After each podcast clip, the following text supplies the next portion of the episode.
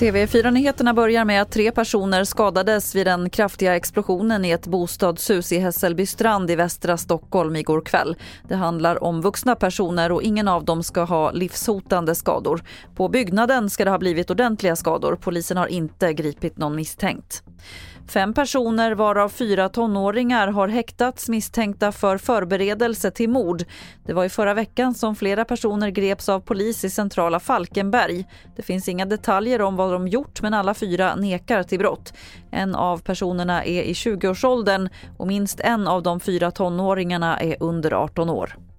Till sist kan vi berätta att faxen lever vidare, åtminstone inom sjukvården. Det finns ett digitalt verktyg som regionerna kan använda för att kunna mejla istället för att faxa, men det har inte införts helt i alla regioner än. Över 4 000 faxar används fortfarande i sjukvården och flest finns i Skåne följt av Stockholm och sen Västra Götaland. Fler nyheter hittar du på tv4.se. Jag heter Lotta Wall.